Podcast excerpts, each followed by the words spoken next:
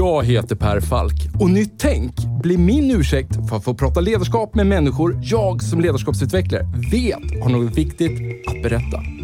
Och med tio avsnitt per säsong, varannan vecka, gräver vi därför ner oss i tekniker, principer och synsätt för att vi ska sätta fingret på vad som kännetecknar det ledarskap vi alla behöver se mer av. Och för att få de här samtalen att hända så har vi sponsorer. Först och främst min arbetsgivare Mindset där jag och mina kollegor tar fram både små och stora ledarskapsprogram som skapar de nya beteenden som behövs för att få er strategi att hända.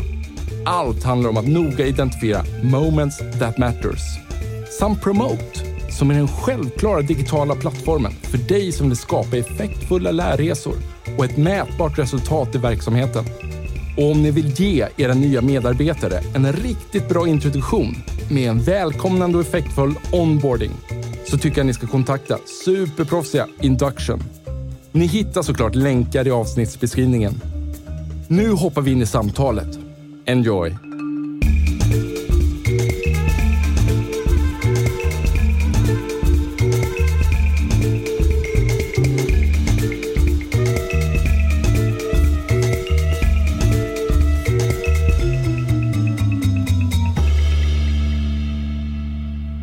När jag driver ledarskapsprogram så har jag som en grej att i, i slutet, jag kanske har ett program på sex dagar och i slutet på det här programmet så vill jag gärna ha en, en intern person. En, en, någon som har omsatt det jag har pratat om under sex dagar. Mm. Någon som har omsatt det i praktiken och som kan komma och prata med de cheferna som vi har i rummet och säga att nu så här, så här har jag börjat jobba med det Per nu har lärt er. Mm, mm. Eh, och eh, mina erfarenheter är X, Y, Z etc. Och då tänkte jag så här i början då att ja, men det här kommer ju kunden reda ut själv vem de ska skicka och ha i rummet. Så, så, att jag, jag tänkte säga, jag är inte inne och petar i det. Och den fällan man genast föll i, det är att man utgick från position. Mm -hmm. Det vill säga att det ska vara Sverigechefen som kommer och pratar, eller divisionschefen eller affärsområdeschefen. Och min insikt helt plötsligt var att det även fast man jobbar på väldigt hög nivå, man kan till och med vara en väldigt omtyckt ledare och en effektiv ledare, så är det inte säkert att man kan prata ledarskap. Och det finns en paradox i det här, därför att om du jobbar med inköp eller om du jobbar med marknadsföring så kan du förmodligen också verbalisera, men det här är min take på marknadsföring. Mm. Det är därför vi har den här strategin, det är därför vi jobbar på det här sättet. Och, men, men återigen, paradoxen är ju att ens jobb, de, alla de här personerna, deras jobb är ju att vara ledare, men man kan fortfarande inte prata ledarskap. Mm. Och då startade jag Mitt ledarskap-podden, min andra podd, där jag låter då kulturbärare komma in i podden och vi pratar om deras ledar, eh, ledarresa, ledarskapsresa för att, att, ja men självklart locka talang externt, men framförallt påverka internt. Va, är det så här, är min observation korrekt? Kan ledare inte prata ledarskap? Ja, det är en bra fråga och, och jag tycker också att det är en paradox för att mitt svar på den är att eh, det är sällsynt att man kan prata det på ett, på ett bra och konstruktivt sätt. Och inte bara kan, man, man försöker inte heller så ofta. Alltså jag har, har funderat väldigt mycket på den här frågan eh, under många, många år nu och jag har haft möjlighet att prata med hundratals kloka chefer och min syntes av egen erfarenhet och, och vad jag hör och, och, läser är ju att det är egentligen tre eh, huvudskäl kan man säga. Det ena är att man inte riktigt har fattat hur viktigt det är. Det tas lite för lättvindigt på det och då menar jag, jag tror du också, att ledarskap är mer än chefskap. Eh, chefskap tar man inte alltid så lätt på, men, men ledarskap tar man lite lätt på för man förstår inte hur viktigt det är. Nej. Och därmed så gör man massa andra saker och sen upplever man att man har tidsbrist. Och det tredje skälet vill jag påstå, det är att man inte riktigt vet hur.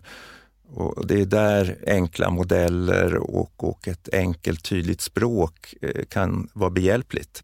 Så jag, jag, tror att en kombo av de här tre skälen Ja, för att någonstans tillbaka till den här marknadsföringschefen då, eller inköpschefen som jag exemplifierade med, som självklart kan prata inköp och marknadsföring.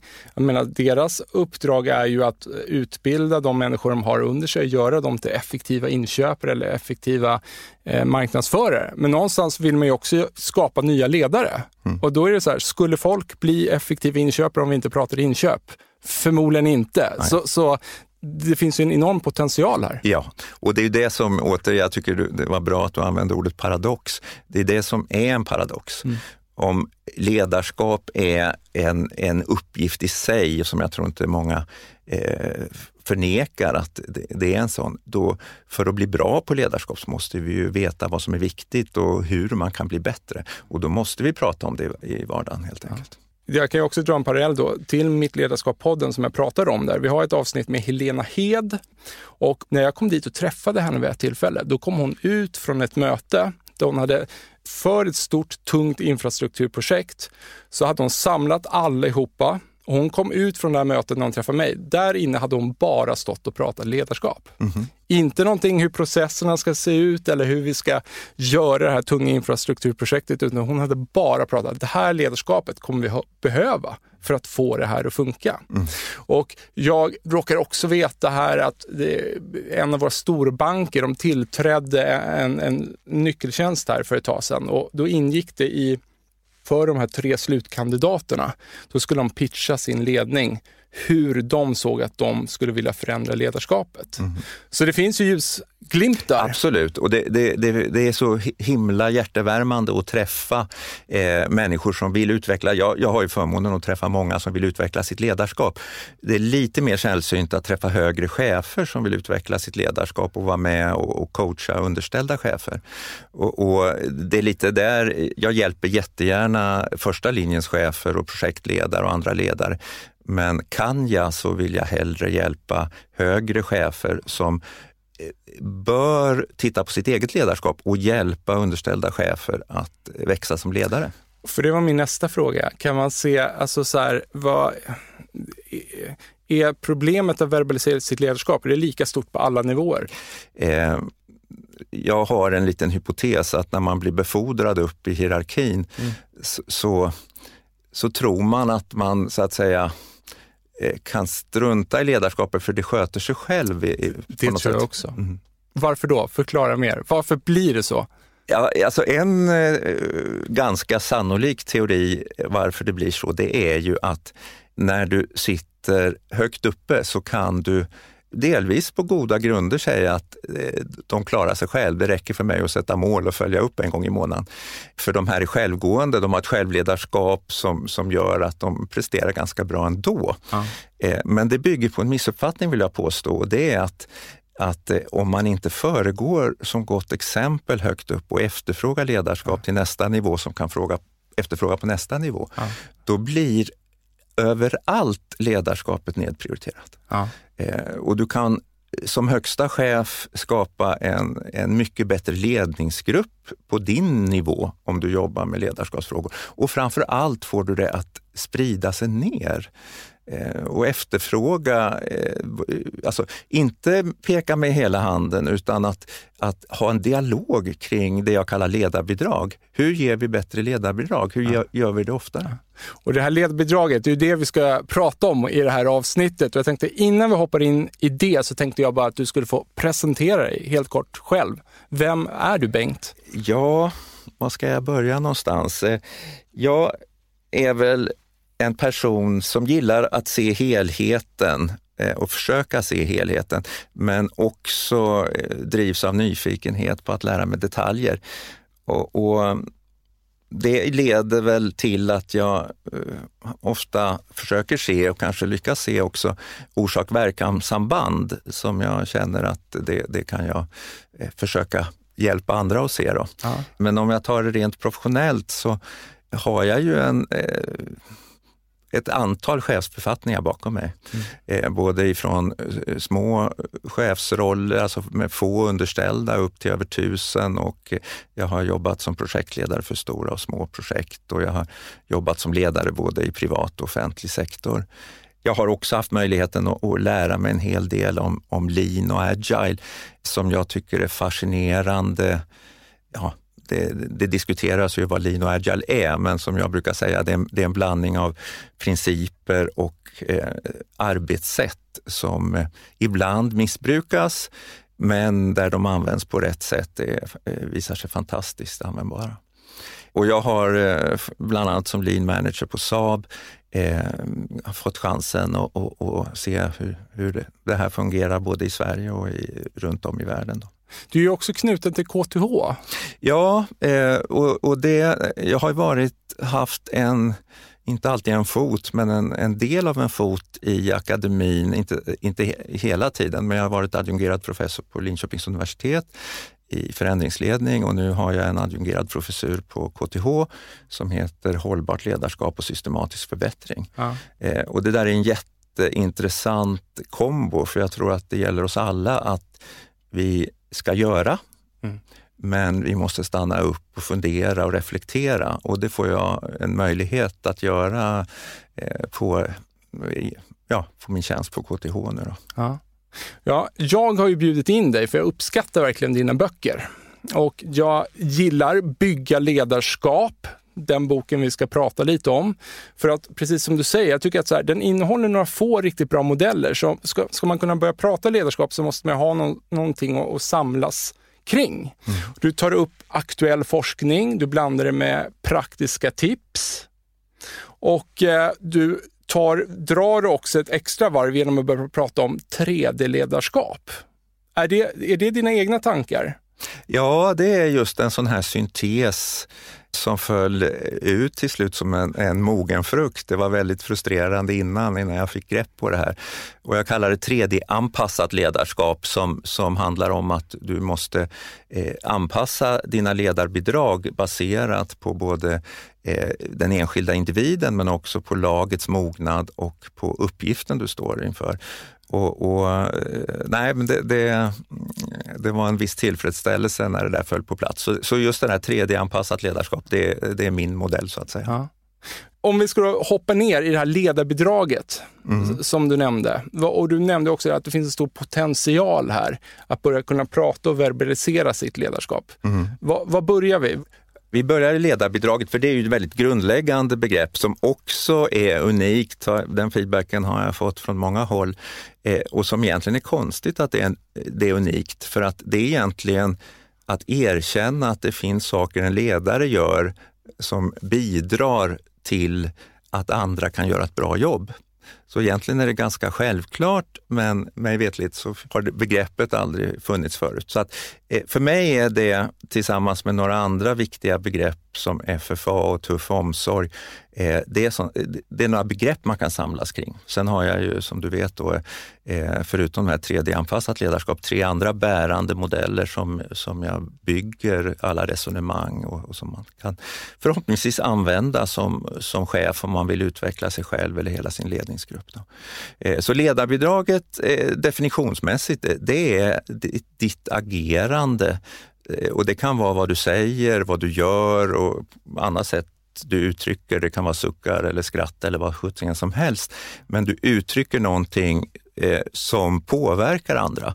Och ledarbidraget är då ditt agerande som gör att dina medarbetare kan ge bra arbetsbidrag. Så jag... Snacka beteenden helt ja, enkelt. Ja, ja. ja. Så att det, och egentligen är det ganska självklart att om du funderar på vad du som chef gör en vardag, så när jag diskuterar det här med chefer så, så blir det ganska uppenbart att man lägger ganska lite tid på ledarbidrag överhuvudtaget och sen är de inte alltid så effektiva de här ledarbidragen. Eh, men det är ditt beteende och hur du eh, liksom lägger upp din arbetsdag. Och, och då kommer man in på det här begreppet FFA som står för förutsättningar, förmåga och eh, attityd. För att eh, jag har gjort, det lite, gjort en förenkling men som ändå håller, eh, har det visat sig. Och det är att om du har förutsättningar på plats, det vill säga gemensamma förutsättningar för att man ska kunna göra ett bra jobb. Du har förmågorna på plats, så krävs det en sak till och det är attityden i bemärkelsen, din attityd att vilja bidra. Ja. Så att om du som chef prioriterar att jobba att stärka och samskapa med dina medarbetare FFA så blir samarbetet bättre. Genom att stärka och med sina medarbetare samskapa de här e- FFA så kan man få till stånd en positiv spiral som jag kallar FFA-spiralen. Och det är det som är chefens huvuduppgift. Sen vet alla som varit chefer eller sett chefer att man gör massa andra saker. Man eh, är på långa möten och man ja, sysslar med, med, väldigt mycket annat som inte alls handlar om ledarbidrag eller som är ineffektiva ledarbidrag. Eh, och det är där jag tror man måste börja. Inse att det här är min huvuduppgift. Vad är det viktiga, det vill säga FFA och sen fundera på hur kan jag eh, göra annorlunda för ja. att bli bättre. Du, du nämnde ineffektiva ledarbidrag. Vad vet vi om dem? Vet vi någonting hur, hur, hur utbrett det är?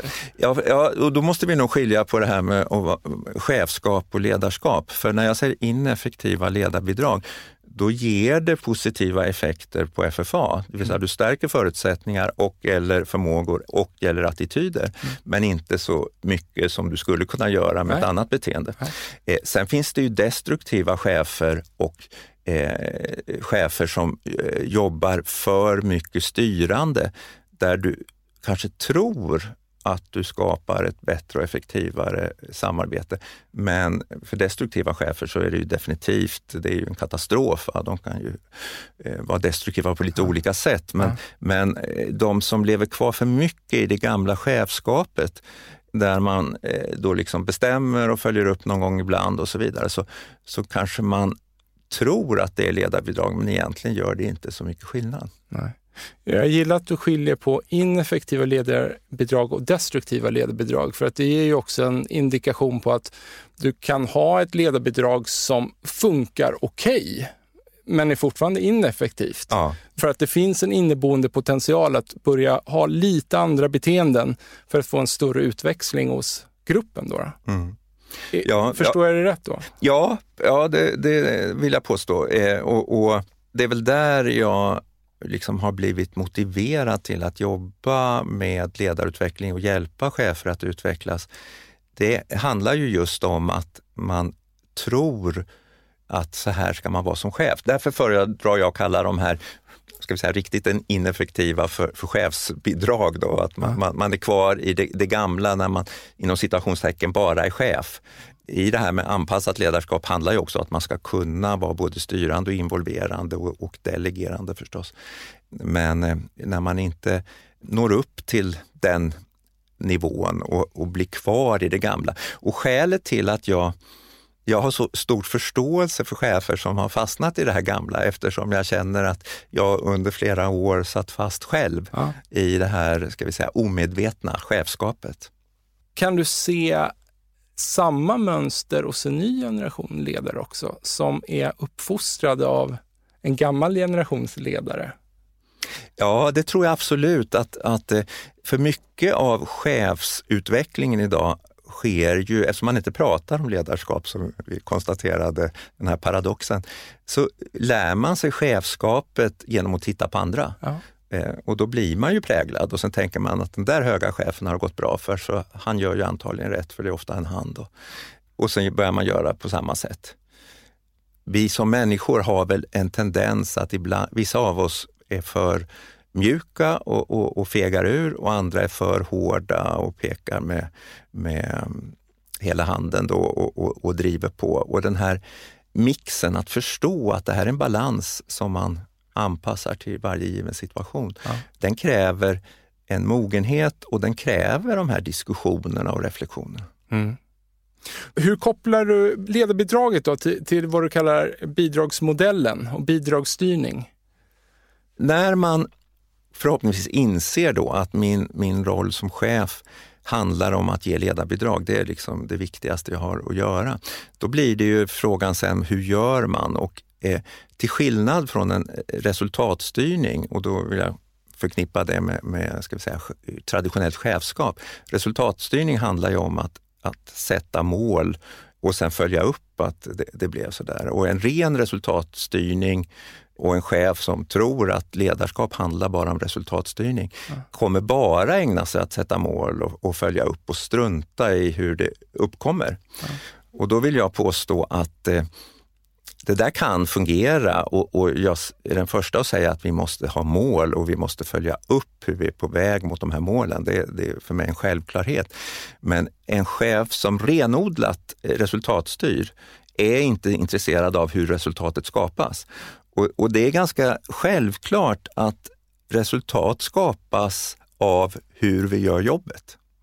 Och det kan vara allt från att, att göra en strategi eller inköpsverksamhet, ekonomi, produktion, utveckling, you name it, så är det, är det arbetsbidragen som till slut ger resultatet. Och är man helt ointresserad av hur arbets och ledarbidrag utförs, då, då får man inte den här dynamiken i en ska vi säga, eh, allt bättre verksamhet med allt eh, allt med människor som trivs, växer och, och bidrar. Nej.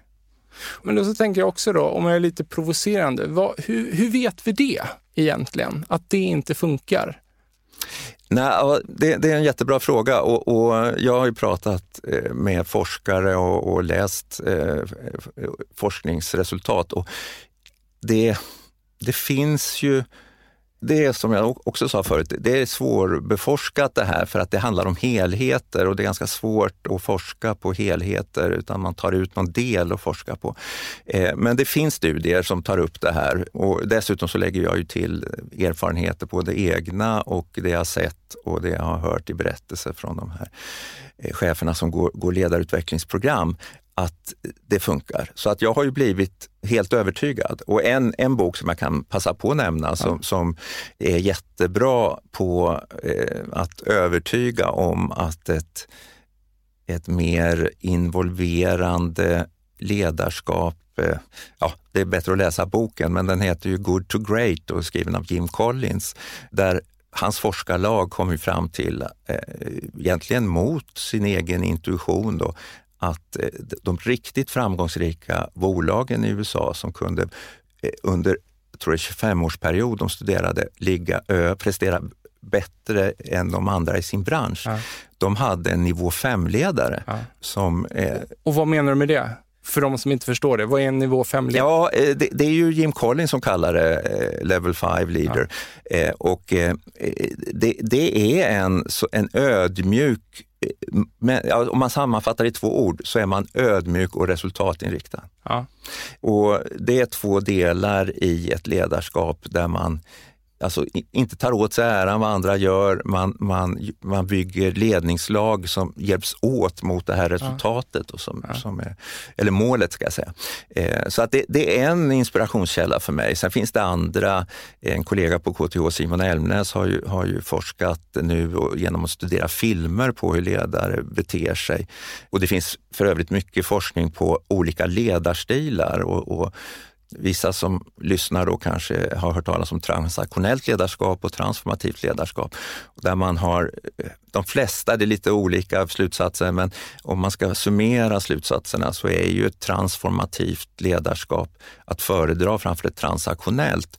Eh, men att det finns fördelar även i det transaktionella. Och det är det som också ligger i det här eh, 3D-anpassade ledarskapet, att man måste förstå vilka individer man har framför sig och eh, gruppens mognad. Ja. För då kan man välja ur de här olika ledarstilarna för att eh, då successivt bli mer och mer transformativ. Ja.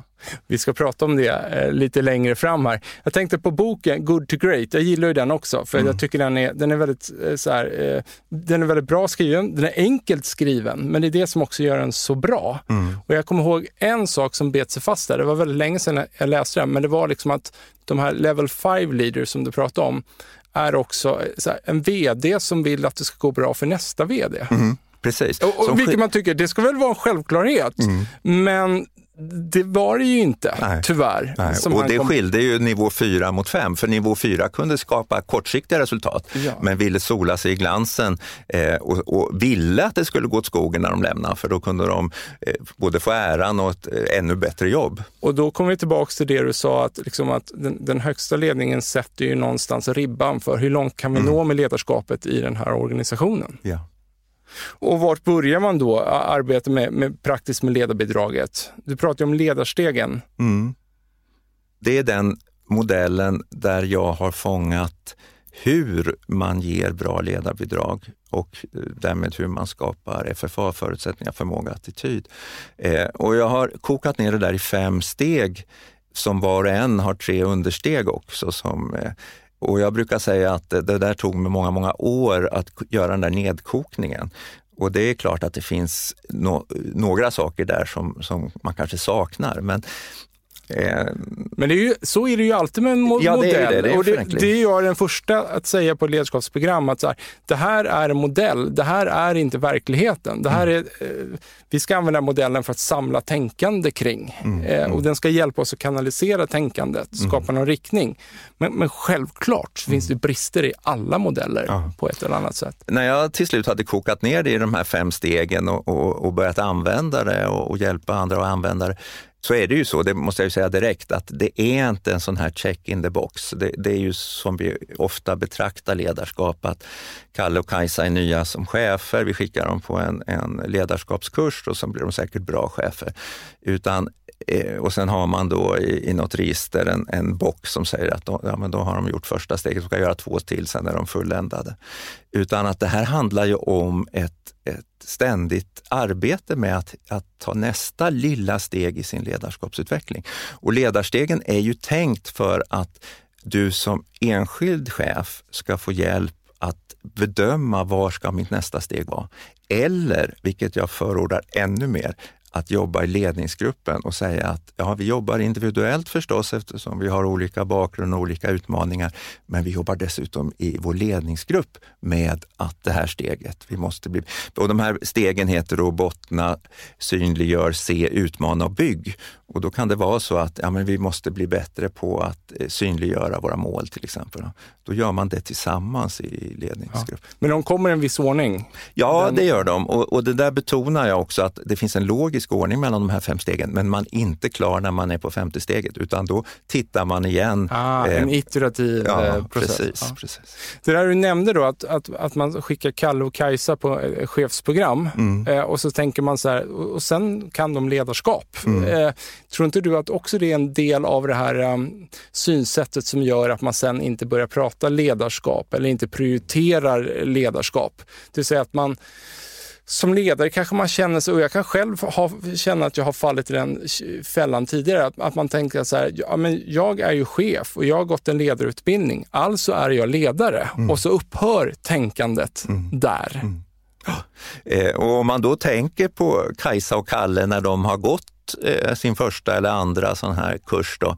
Jag kan ju prata om det här eftersom jag har ju själv gått såna här och upplevt liknande saker. När man då har liksom fått några aha-upplevelser, ja men så här gör vi ju inte riktigt eh, på hemmaplan. Eh, då kan ju man, man ta med sig det där hem och börja göra sig lite annorlunda hemma. Mm. Men det är ingen som egentligen är nyfiken av kollegor eller chef. Vad har du lärt dig? Är det något vi, vi liksom ska jobba med allihopa? Och det är ju tragiskt då när, när man liksom eh, föder in lite tankar men man vill egentligen inte ta hand om dem när de kommer tillbaks. Och sen är det en annan sak att när Kajsa och Kalle är tillbaks och ska jobba med den här grejen de har kommit på att det här borde jag göra, så är det här med att göra sig av med ovanor och skapa nya vanor är så svårt för oss människor. Så det är jättelätt att eh, det går en dag och sen är man nästan inne i samma lunk igen. Och där behöver man dels ha ett självledarskap som gör att man kan ta sig framåt, men kan man få ett gemensamt ledningsgruppsledarskap så är ju det ännu mer värt. Ja. Kan du säga någonting kort om just skapa vanor? När du, när du ändå nämner det. det. det. känns ju som...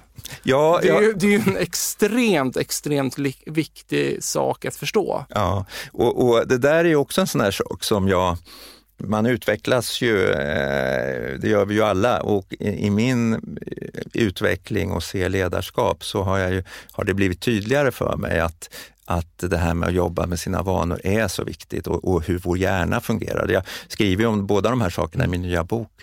Och då är det ju så att du kan egentligen jobba på två sätt när du skapar vanor. Det ena är ju att, att ha en trigger en aktivator som det heter bland forskare, eh, för ett visst beteende. Men det som är ännu viktigare det är ju den här responsen, att, att få någon eh, feedback på att du har gjort det bra. Och det, det där måste man tänka på både när man ska jobba med sina egna vanor och ta bort ovanor för den delen också, men också med andras. Så att inse att, att aktivatorn är bra, men man måste se till att det känns bra efteråt om man har börjat bete sig på För att annars slutar man att göra det här nya och, och är tillbaks till det gamla. Ja. Du nämnde tidigare att du läser mycket forskningsrapporter och studier. Och just det här med positiv förstärkning finns det ju jättemycket på. Mm. Och jag brukar dra bara en enkel parallell själv till liksom en, en, du vet, en sån digital vägskylt som, som faktiskt tackar dig när du håller hastigheten. Mm. Det är ju inte en, av en slump den Nej. är där. Nej. Eh, för man vet att den funkar bättre än en analog skylt. Och det finns ju sån, en sån här, jag vet inte om du har hört den, men, men om man ska få ett för, parförhållande att hålla länge så, så måste man säga nio positiva saker för varje negativ. Ja. Eh, det känner jag inte till, men jag ska ta med mig det. Ja, ja.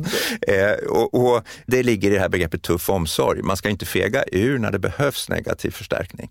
Eh, men då, det är det som är skönheten med det här FFA-begreppet, att det egentligen saknas förutsättningar och förmåga så kan man inte, man får inte bli irriterad och arg på, på människor. Nej. Men saknas attityden, det vill säga viljan att bidra, då eh, har man en skyldighet att ta tag i det. Inte nödvändigtvis genom att gorma och skrika, men, utan lugnt och nyfiket fråga varför, varför gör du så här?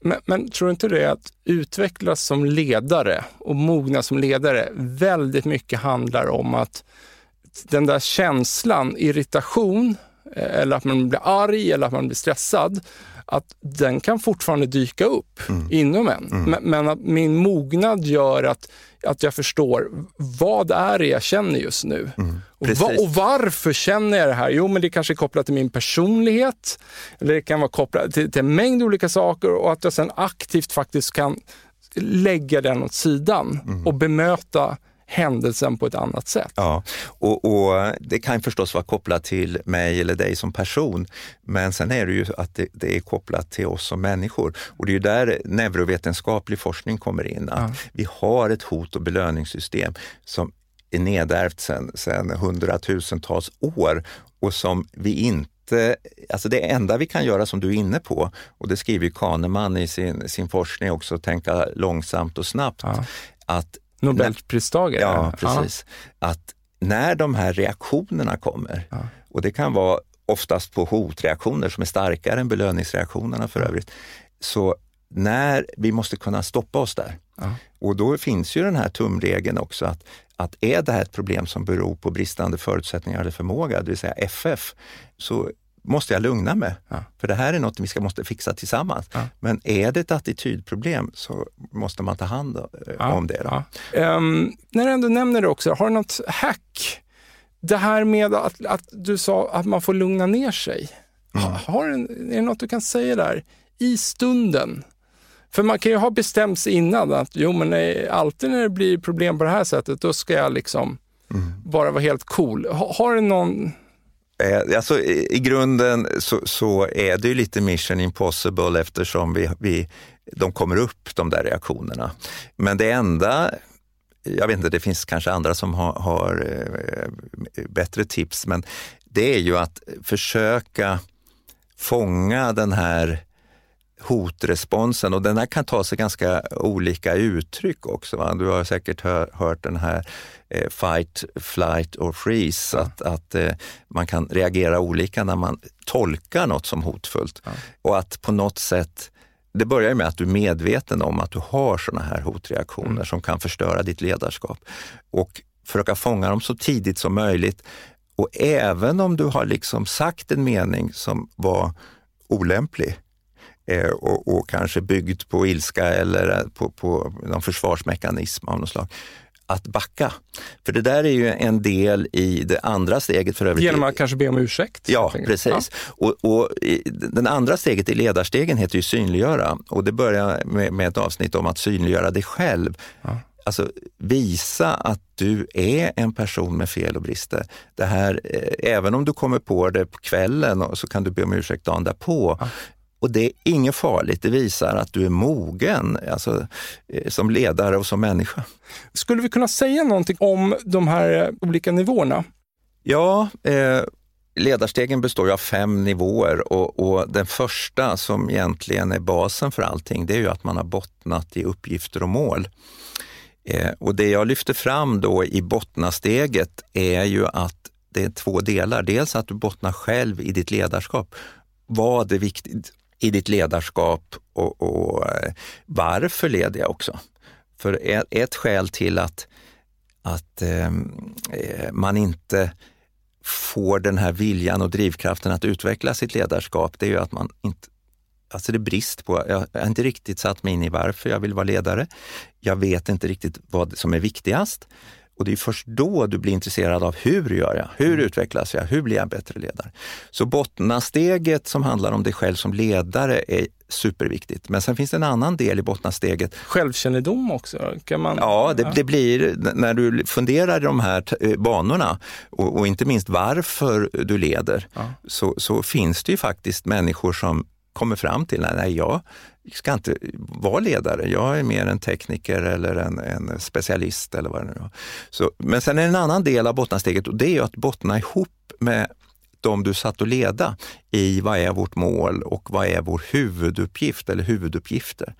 Så det där lägger ju grunden för både ett bra samarbete när vi bottnar ihop, men också för din ledarskapsutveckling när du bottnar själv i att ja, men jag ska väl ge ledarbidrag för att stärka FFA. Ja. Så det är nummer, steg nummer ett. Steg nummer två är synliggöra.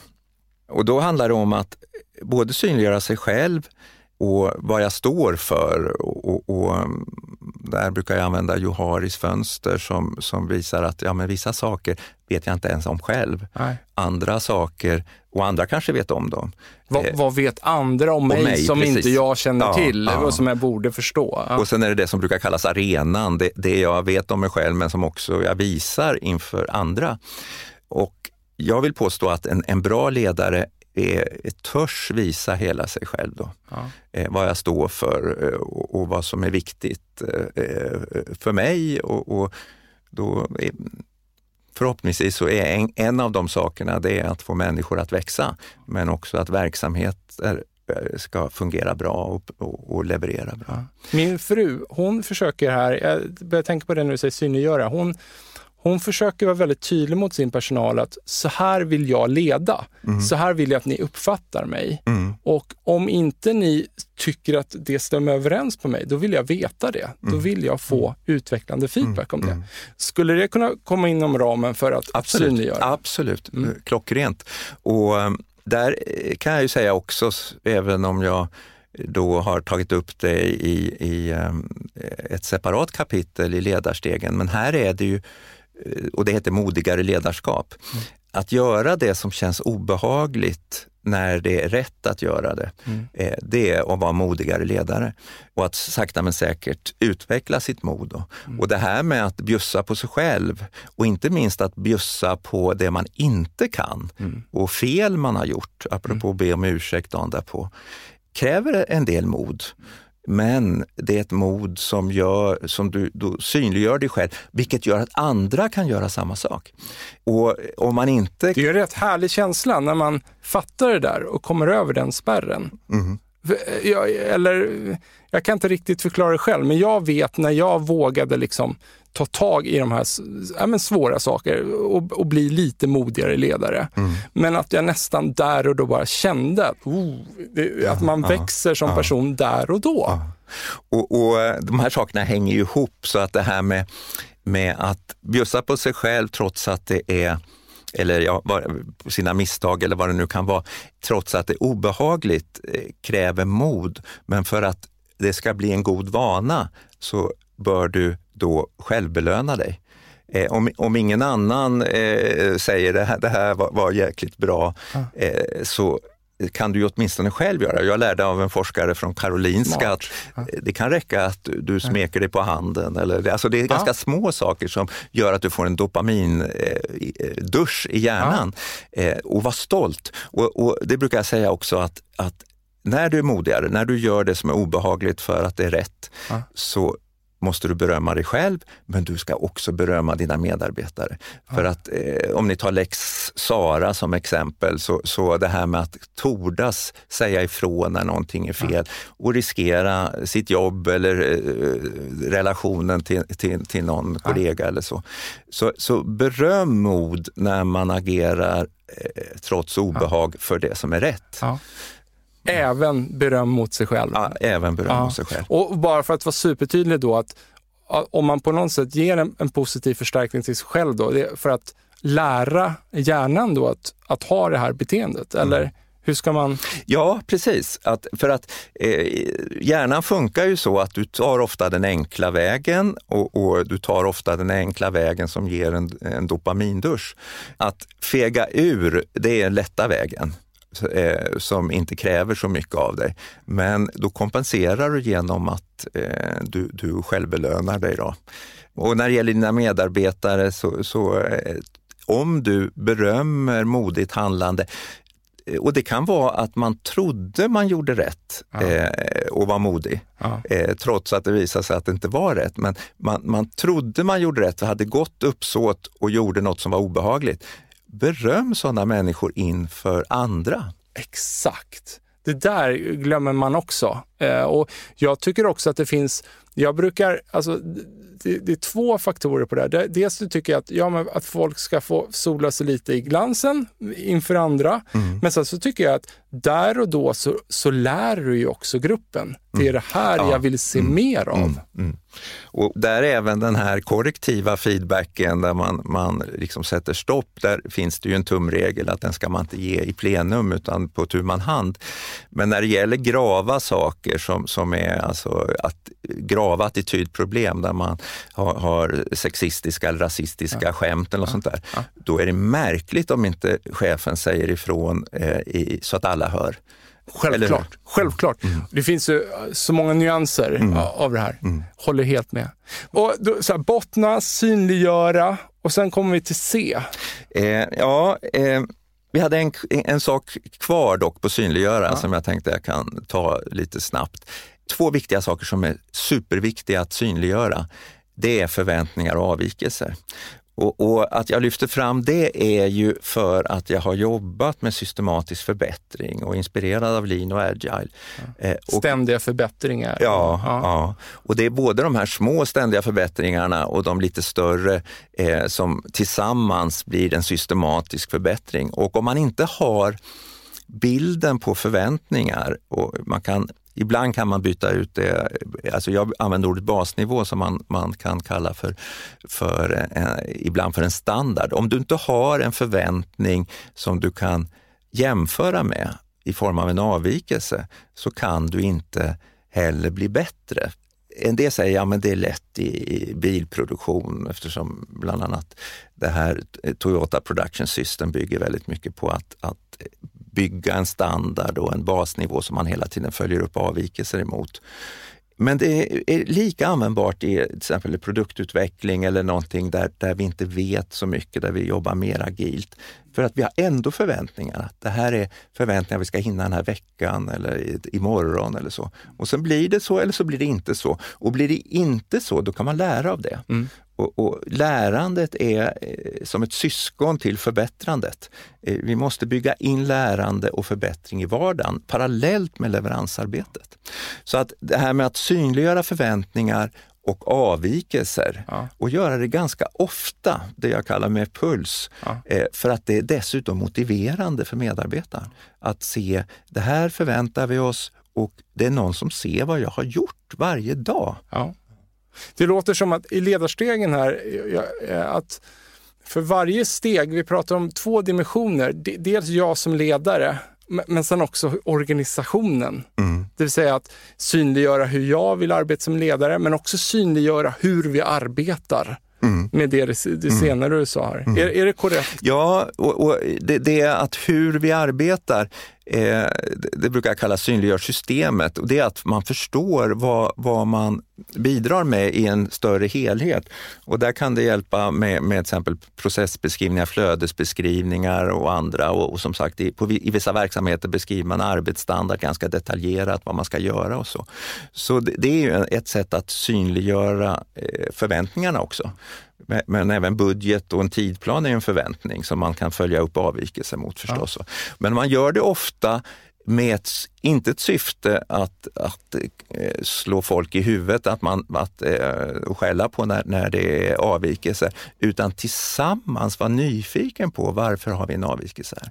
För då, då skapar du, någon ser vad du gör, någon eh, involverar dig och diskuterar, men, men om det blev en avvikelse och vi inte riktigt gjorde vad vi hade eh, bestämt, vad gör vi nästa gång för att det ska bli så? Så att det, det, det har många positiva effekter. Så med det är vi klara med ja. synliggöra och kan gå till steg tre, nummer eh, tre då, som heter C.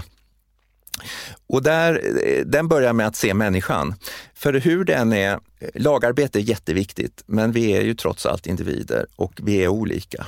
Och som ledare och chef så måste man se var och en. Det är superviktigt. Man kan inte bara titta på arbetsgruppen och, och, och, prata med arbetsgruppen. Man måste eh, se var och en. Och inte minst för att se var och ens potential och hjälpa henne att växa. Det går inte att slå ihop alla till ett standardlösning där, utan se människan. Sen nästa är se matchen och det handlar om att vara ute och se arbetsbidragen på plats. Det är svårt i vissa branscher och, och att stå och hänga över axeln när man är på annan ort eller vad det nu är. Men då då får man ta det mer bildlikt. Att se matchen är att förstå de viktiga sakerna som medarbetarna gör. Mm. Eh, och, eh, kan det inte uppstå ett problem där, precis som du säger, att en arbetsgrupp som är ovana vid det här, alltså att, att de kanske reagerar lite offensivt om chefen ska vara där för att se arbetsbidraget? Jo, eh, och, och, det är en ganska naturlig reaktion om chefen aldrig varit intresserad av arbetsbidraget tidigare. Eh, och då, då, krävs det här lite modigare ledarskap igen. Mm. Att, eh, plus att man visar att det här gör jag för att jag är nyfiken, inte för att kontrollera. Nej. Utan jag vill förstå. Och jag har hört så många historier där människor som jobbar har aldrig haft chefen intresserad och så kommer en ny chef som då kommer ut och frågar vad gör du nu och varför blev det så här? Och, eh, man kan fråga hur ska man kunna göra det här ännu bättre och sådana här frågor. Men man gör det genom att ställa eh, frågorna varför och hur. Men man måste ställa varför-frågan med snälla ögon. Mm. Och det tror jag alla förstår vad som menas. Det är nyfikna ögon kan man säga också. Och då, då vänder man den här eh, ska vi säga, taggarna utåt-reflexen så folk blir glada. Och, och som sagt, jag har hört många, många vittnesmål om att medarbetare blir jätteglada när chefen bryr sig. Ja. Och man kanske också då ska, även om det blir en lite konstig reaktion i början, och vi pratar ju om mod, men modet då att hänga kvar, att bara tänka att gruppen kommer vänja sig, ja, gruppen ja. kommer förstå, vi mm. växer tillsammans. Ja. Så man inte skräms och tänker att men vänta, det här var inget bra, så tar man ett steg tillbaks. Ja, det, det är en jättebra reflektion för att eh, som du säger, att eh, känner man sig ovälkommen första gången så är det lätt att ge upp och fega ur. Men att man förklarar och, och, visar, alltså du visar med ditt beteende mm. att eh, det här är något som jag vill fortsätta för jag vill lära mig och jag vill kunna hjälpa er att göra ett bra jobb. För det är det det egentligen handlar om i slutändan. Aha.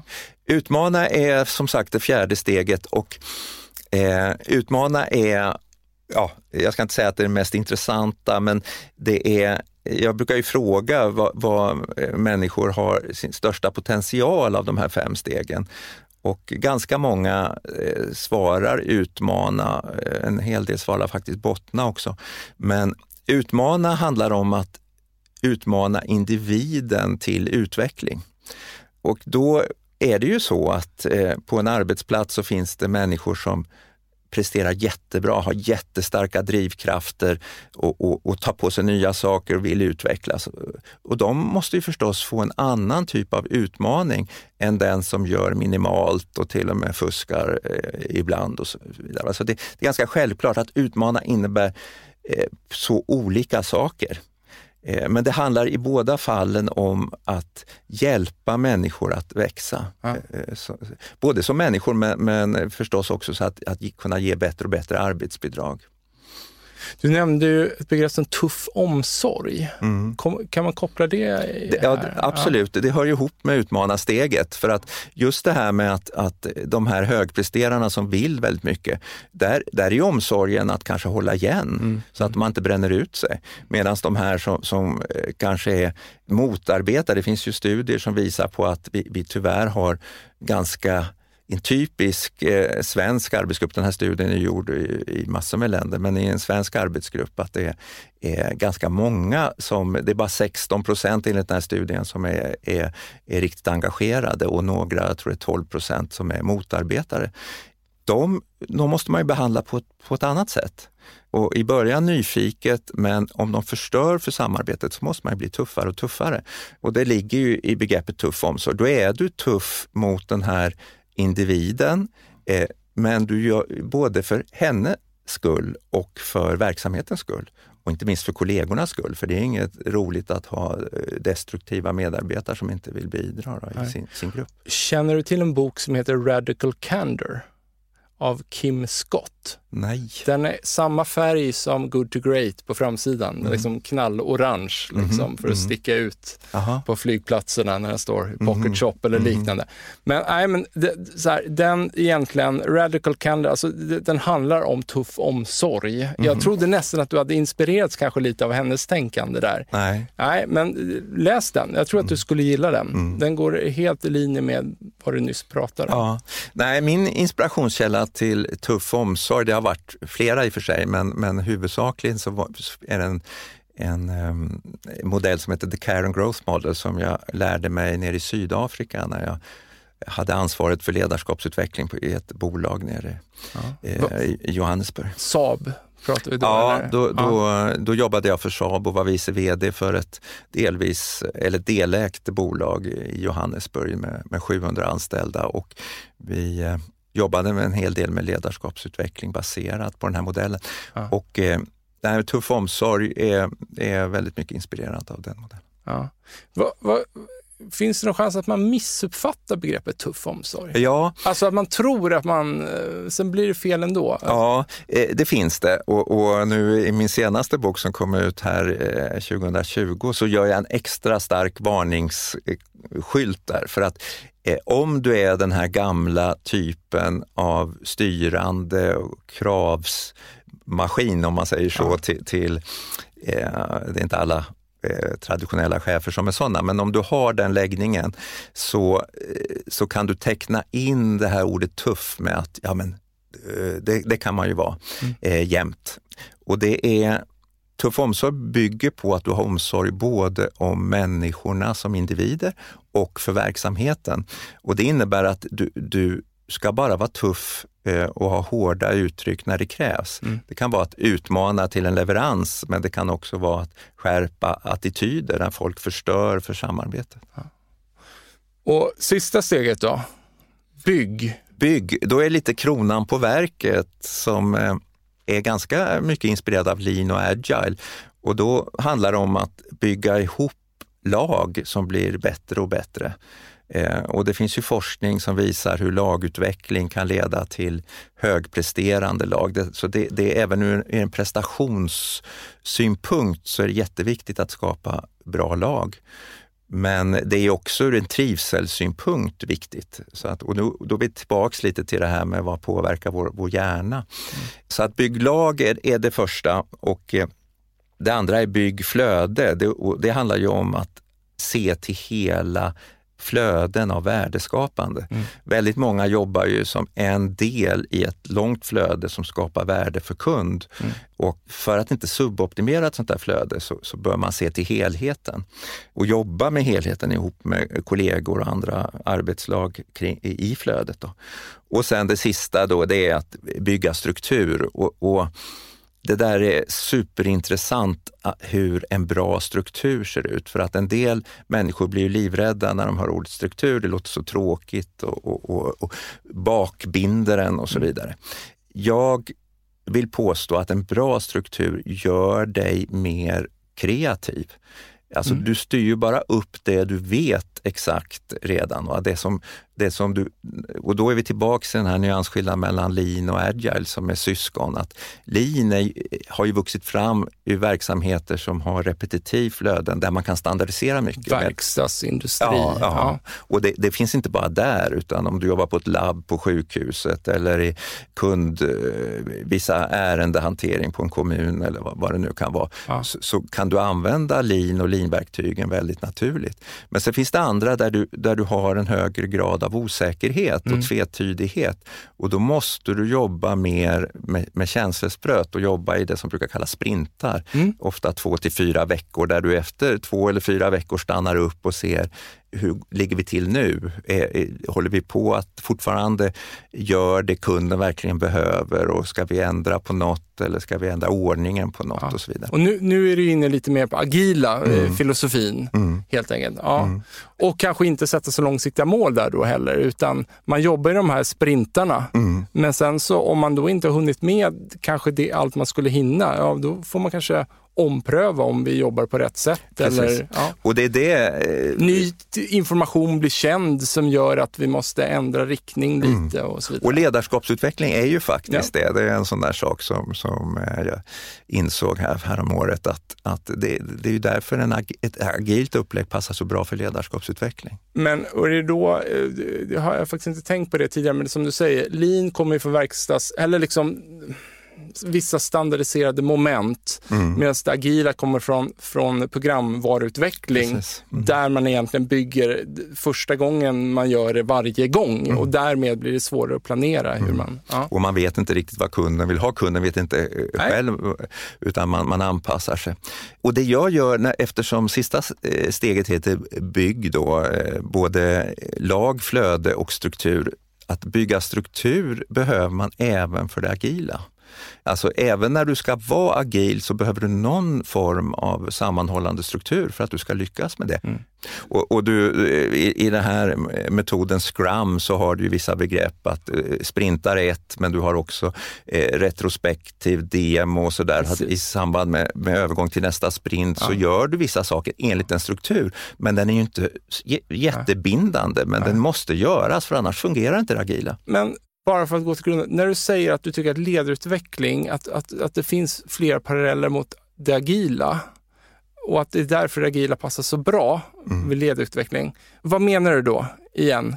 Kan du så vi säkert ja. att alla förstår här. Alltså, det handlar ju om ledarbidrag, vi måste gå tillbaka till ledarbidrag. Om man då har insett vikten av ledarskap, man har insett att det handlar om att göra fler och bättre ledarbidrag, så måste man ju sätta igång med att fixa det här då. Och, och gör man det i en ledningsgrupp så kan man säga då att det här och det här och det här ska vi eh, göra de kommande fyra veckorna. Mm. Och sen gör man det och sen utvärderar man att ja, det där blev ju bra, men det där blev inte så bra. Varför blev det inte så bra? Eller varför blev det bra? Och sen, sen bestämmer man, ja men låt oss göra det här kommande fyra veckorna. För då, då skapar man ju laganda också i eh, ledningsgruppen kring ledarskap. Och då är vi tillbaks till det här, varför pratar man inte ledarskap? Men på det här sättet så måste du åtminstone var fjärde vecka, om du väljer eh, en, en fyra veckors sprint, så måste du prata ledarskap. Eller måste och måste, det här är ju roligt. Så att det, det Ja, alltså, jag undrar hur många ledningsgrupper det finns där man faktiskt sitter runt bordet i ett ledningsgruppsmöte och faktiskt kan medge så här, ja men under de senaste fyra veckorna, här brast jag i mitt ledarskap. Mm. Och det där är jätteviktigt, det, det, det, du pekar på, att det bygger på att alla i den här ledningsgruppen, men inte minst chefen över de underställda cheferna, är ödmjuk, då är vi tillbaka ja. till good to great, och alltså dela med sig, då är vi tillbaka ja. till, till synliggör, ja. av ja men det här gick bra ja. och, och, att man bjuder in som din fru gjorde eller gör eh, till att, eh, liksom, ja men på vilket sätt gör, gör jag eh, inte tillräckligt bra ledarbidrag? Ja. Jag tror stenhårt, jag har ju sett eh, ett par ledningsgrupper som jobbar på det här sättet men jag vill ehm, då ge dig rätt i att det är väldigt, väldigt ovanligt att man har det. Och det beror, återigen, det beror på att ska vi är det tillräckligt viktigt med ledarskapsutveckling? Kan vi avsätta den här tiden? Eh, jag tycker inte att man ska vänta fyra veckor utan för att Nej. få in en vana så måste man, kan man ha korta små möten kanske varje vecka ja. och sen ett lite längre var fjärde vecka där man pratar ledarbidrag. Ja. Skulle du vilja vara så modig att du skulle vilja ge cred till någon speciell ledningsgrupp? Ja, eh, det... Som eh, du verkligen tycker att, hmm, ni, ni Ja, en ryggdunk helt ja, enkelt. Ni nej, har men, verkligen fått till det. Men de jag kommer att tänka på direkt, det är dels en avdelning i Malmö stad eh, som Roberto Citero leder, men också en, ett eh, företag, ett eh, robotföretag, Jaskava Robotics nere i Småland, där Thomas Abel är HR-chef och, och, gör ett jättebra jobb ja. på det här området. Ja. Bra. Jag tycker det är viktigt att, att lyfta fram goda exempel. Mm. Och de som har investerat tid i sitt ledarskap ska självklart få höra det. Mm.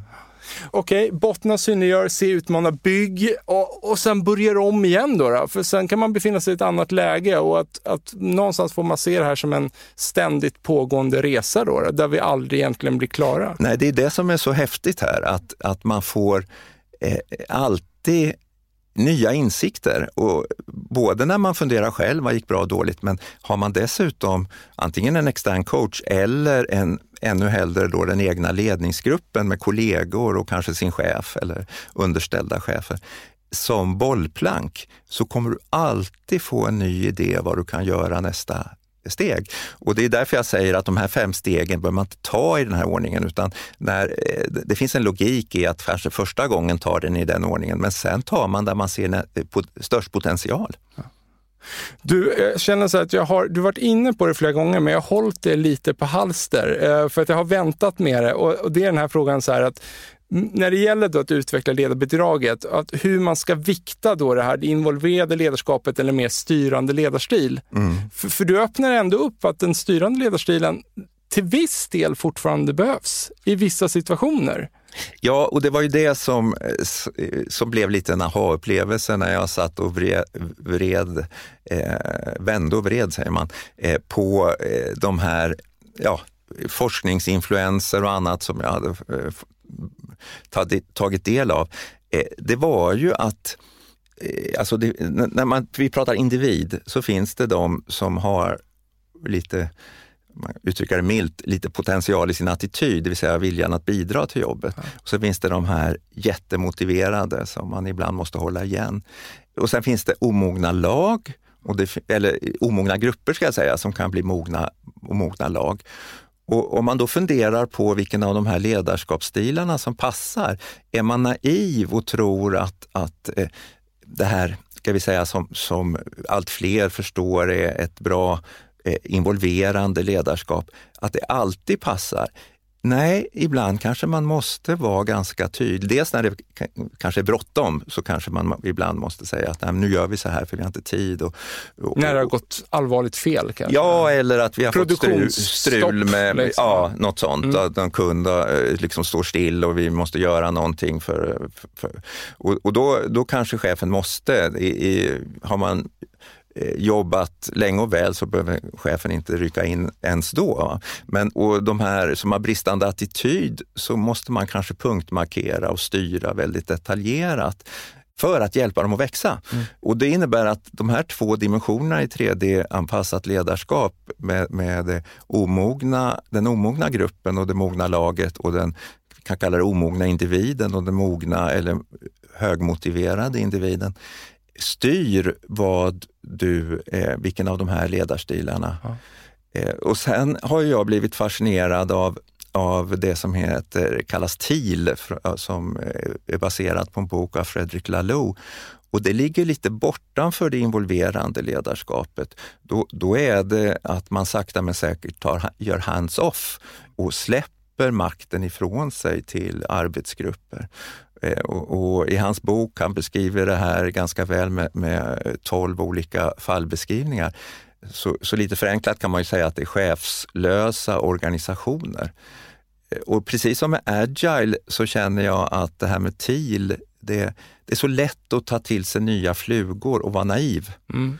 Och att man tror att ja, men bara man gör hands-off och, och, och, har självorganiserande lag från en dag till en annan så kommer det blomstra tyvärr är ju inte verkligheten så enkel. Man måste som ledare coacha fram en sån här delegering i små steg. Så man kan lite förenkelt säga att när man utvecklar människor och grupper så kan man gå från ett styrande ledarskap till ett involverande ledarskap till ett delegerande ledarskap om man summerar det i det ordet. Det här med att, ja. att vilket gör att eh, medarbetarna får mer och mer ansvar för ledarbidragen och du som chef kan ägna dig åt delvis andra saker, mer långsiktiga saker, mer coachning och så, som kan kännas lite hotfullt och som kan kräva mod. Så det är väl där igen, de går in ja. i varandra. Var, varför kan, varför, när du säger att coachning kan vara lite hotfullt?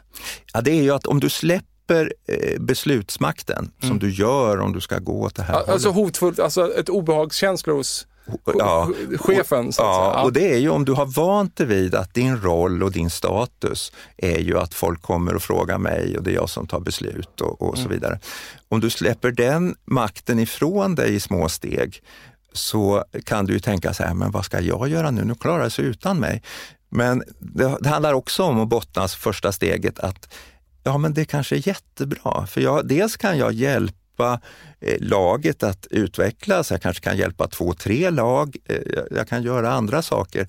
Eh, så att det, det handlar om en mognad som, som individ om man inser att eh, du måste leda eh, individer olika beroende på hur arbetsmotiverade de är och att du måste eh, leda grupper olika ja. beroende på deras mognad. Och som eh, då sista steget i de här tre dimensionerna, att du måste förstå om en uppgift är repetitiv och standardiserbar eller om du ska ge friare tyglar och, och jobba mer agilt. Eh, om du inte har bottnat i det där så, så kommer du aldrig kunna göra den här anpassningen. Sen tror jag att du, du, du när du har bottnat i det eh, kan applicera det ganska naturligt i din vardag. Ja. Jag tänkte bara med gäller TIL där. Du tycker ändå att det ligger någonting i tankarna kring TIL, eller? Jag kan ju förklara det ja. också för de som inte har läst eh, Lalous bok. Reinventing Organizations. Precis. Ja. Det finns både på svenska och engelska och säkert många andra språk också. Men eh, han inleder ju med att måla upp människans utveckling. Det blir lite häftigt på det sättet. Och, och han eh, beskriver ju mänskliga människans organisationer ur ett historiskt perspektiv, ända från röda organisationer till gula som där man eh, jobbade väldigt strikt, strikt hierarkiskt. Han tar katolska kyrkan och, och gamla arméer som exempel till orangea där man har väldigt mycket eh, hierarkiskt synsätt, att chefen bestämmer och andra gör. Eh, och sen är det en grön organisationsform där, dit han brukar relatera lean och, och agile organisationer och det finns en mix mellan de här och väldigt många lite mer framåt organisationerna idag är en mix mellan orange och grönt om man ska följa Lalous eh, teori. Men det som är nytt då, det är ju att han beskriver den sista som TIL, som är ju någon form av grågrön nyans, eh, som man lite förenklat kan kalla för, för chefslöst. Men det, det är mer än så, utan här är det att liksom skapa organisationer där alla är med att bestämma syftet mm. och att syftet får utvecklas över mm. tid mm. Med, där alla har ett, ett, någonting att säga till om. Och att alla har makt, till och med samma makt. Och alla har rätt att ta beslut. Det finns till och med ett, ett sätt hur man tar beslut som vissa av de här exemplen i Lalous bok använder. Vad tar han upp för exempel på företag här? Ja, det är eh, lite olika faktiskt. Det är ju rätt ja. intressant. Det, det, är allt från verkstadsindustri till sjukvård till eh, eh processindustri industri och livsmedelsindustri. Jag, jag fascineras mest av den här Burzog, ett, ett eh, holländskt hemtjänstföretag ja. som gick från tre anställda till, jag kommer inte ihåg nu hur många, men de är flera tusen och har tagit en, en stor del av den holländska marknaden och lever de här tankarna väldigt... De chefslösa tankarna? Ja, sen är det ju så att det, det, det krävs ju en struktur och ja. man anar att eh, han start, grundaren av, av Burzog finns med där på något sätt. Men det, det är väldigt mycket chefslöst och det är väldigt Alltså man, man till och med bjussar på idéer till konkurrenter för man ser det att man liksom ska samarbeta eh, med sina konkurrenter. Eh, och man, ja, det finns Youtube-klipp på Burzog och på TIL också så att man lätt kan bilda sig en uppfattning. Och, och om du frågar mig om, om det här är, är eftersträvansvärt, så Ja, jag tror att det är eftersträvansvärt i väldigt många branscher och många organisationer. Men man ska inte vara naiv och tro att det är en quick fix. Nej. För det, alla de här exemplen så, så finns det eh, några i bakgrunden som har skapat den här strukturen som krävs. Och i det här hemtjänstföretaget så är det ju grundaren som, eh, och sen har man säkert samarbetat kring eh, hur det här ska utvecklas, självklart. Men, men i lite korta ordalag så handlar det om att du eh, ska låta alla vara med och forma strategin och att strategin och syftet med verksamheten får växa evolutionärt över tid där alla kan, kan tycka till. Och även när det gäller makten, alltså att det inte är hierarkiskt. Eh, beslutsfattandet är helt delegerande. Man har inte staber som styr utan staber staber som stödjer. Alltså det finns några punkter som är sunda i grunden, men man måste inse att det, det kräver ledarskap att ta sig dit. Kan inte låta bli tänka, det finns ett brasilianskt företag, tror jag, som, kan de heta Semco? Ja. Han som, mm. de körde några TIL-liknande principer eh, och det slutade med att de anställda sa upp eh, vdn som införde principerna mm. och körde vidare själva utan chefer. Men, men, det är ingenting du har stött på? Jo, jag, för många år sedan så läste jag lite om dem. Eh, jag har inte följt vad som har hänt sedan dess. Men då är vi inne på det här med modigare ledarskap, ja. att man som vd måste tordas och, och riskera att bli uppsagd. Hans officiella hållning var väl alla fall att ja, men alltså jag, jag har ju satt upp ett antal principer vi ska jobba inom och som ska trogna, mm. även om det är ont hos mig. Mm. Och eh, därför måste jag, om, om de vill att jag ska lämna, då, då, då måste jag ju stå för det. Det låter på dig då som att vi rör oss lite i den riktningen. Mm. Rör vi oss i den riktningen för att de ehm, problem vi ställs för eh, i offentlig sektor och hos företag behöver den typen av organisationer för att vi ska kunna lösa dem på ett bra sätt? Eller rör vi oss åt det hållet för att samhället har förändrats så mycket så att det är det enda sättet som folk vill bli ledda på? Ja, det är väl, det är väl en, en kombination. kombination. av de två.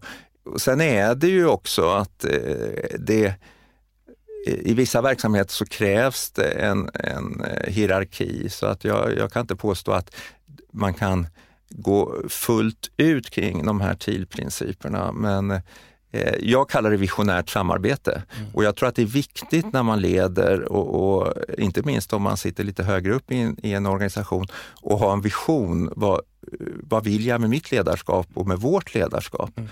Och då tycker jag att det är värt att titta på dem. Jag, jag har ju förenklat Eh, Lalous eh, kriterier till tio kriterier som, som man kan titta på. Hur långt vill vi gå här? Vad är möjligt? Vad mm. kan vi göra på kort sikt? Vad vill vi göra på lång sikt? Men även om du har en befintlig organisation som inte är jätte, ska vi säga, ja. utvecklad i de här, utan är kanske kvar i det här orangea, så kan du ändå inspireras men vara realistisk. Eh, och, och med, med, bra ledare som har en sån här vision så kan du nog åstadkomma på sikt väldigt mycket, men det tar tid. Det är jag helt övertygad om och du kanske inte vill göra alla sakerna. Som, som...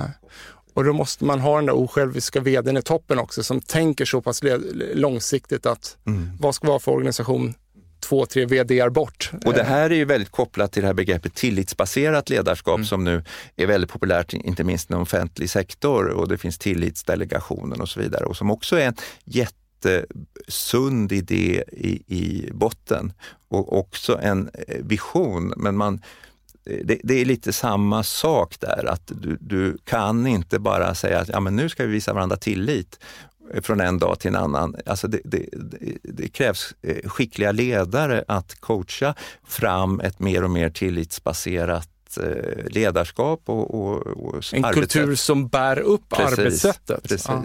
Och då är vi tillbaka till det här med attityd. För självklart har man coachat individer och så småningom eh, grupper att bli, bli lag, till att ha en, en jättebra attityd att vilja bidra, eh, då det är klart att du kan eh, släppa väldigt mycket makt. Eh, men, och det är därför jag menar att det här visionära ledarskapet, det är kronan på verket när du har jobbat med 3D-anpassat ledarskap.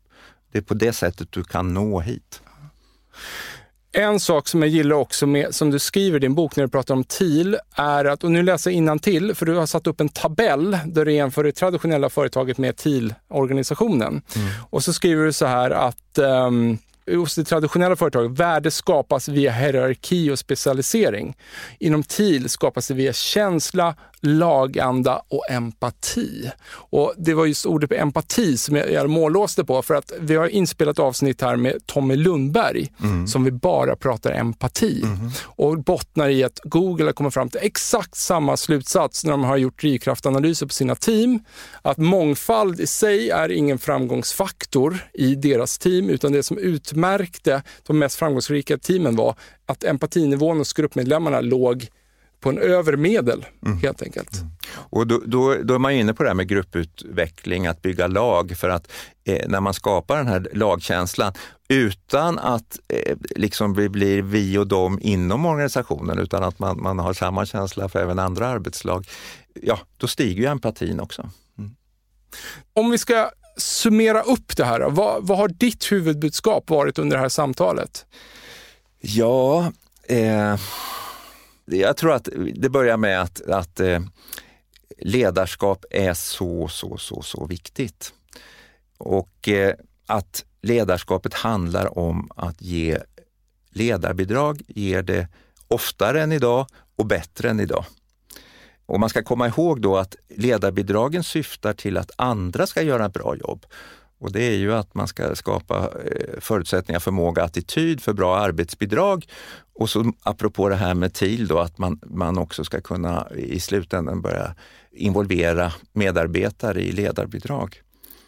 Och förutom att det är så viktigt och att man måste jobba med sitt, eh, sitt ledarbidrag för att bli bättre ledare, så är det att eh, budskapet att för att lyckas med det här så, så måste man ta hjälp av enkla Eh, modeller och verktyg. Jag kallar det praktisk teori. En del ty tycker ju att teorier inte är praktiska, men eh, jag hävdar att bra och enkla modeller är jättepraktiska. Och ta hjälp av sådana modeller och verktyg för att utveckla sitt och, och inte minst eh, det gemensamma ledarskapet för det bli ännu roligare om man kan få det här i ledningsgruppen. Och självklart lägger vi in en länk till Bygga ledarskap i beskrivningen av avsnittet. Och om man utöver då att läsa den här boken kanske vill prata mer med dig, hur får man tag på dig då? Man kan nå mig via KTH. Jag jobbar bara där en dag i veckan, men då, är det min mejladress bsaven.kth.se eller så på mitt bolag som eh, då, då kan ni mejla på bengt.braveship.com. Och Braveship står för modskap, eh, apropå modigare ledarskap. Stort tack för att du kom Bengt. Tack, tack. Vad kul. Tack Per. Hej. Hej. Hörni, tack till våra sponsorer Mindset, Promote samt Induction för att ni tror på den här produktionen. Ta hand om er.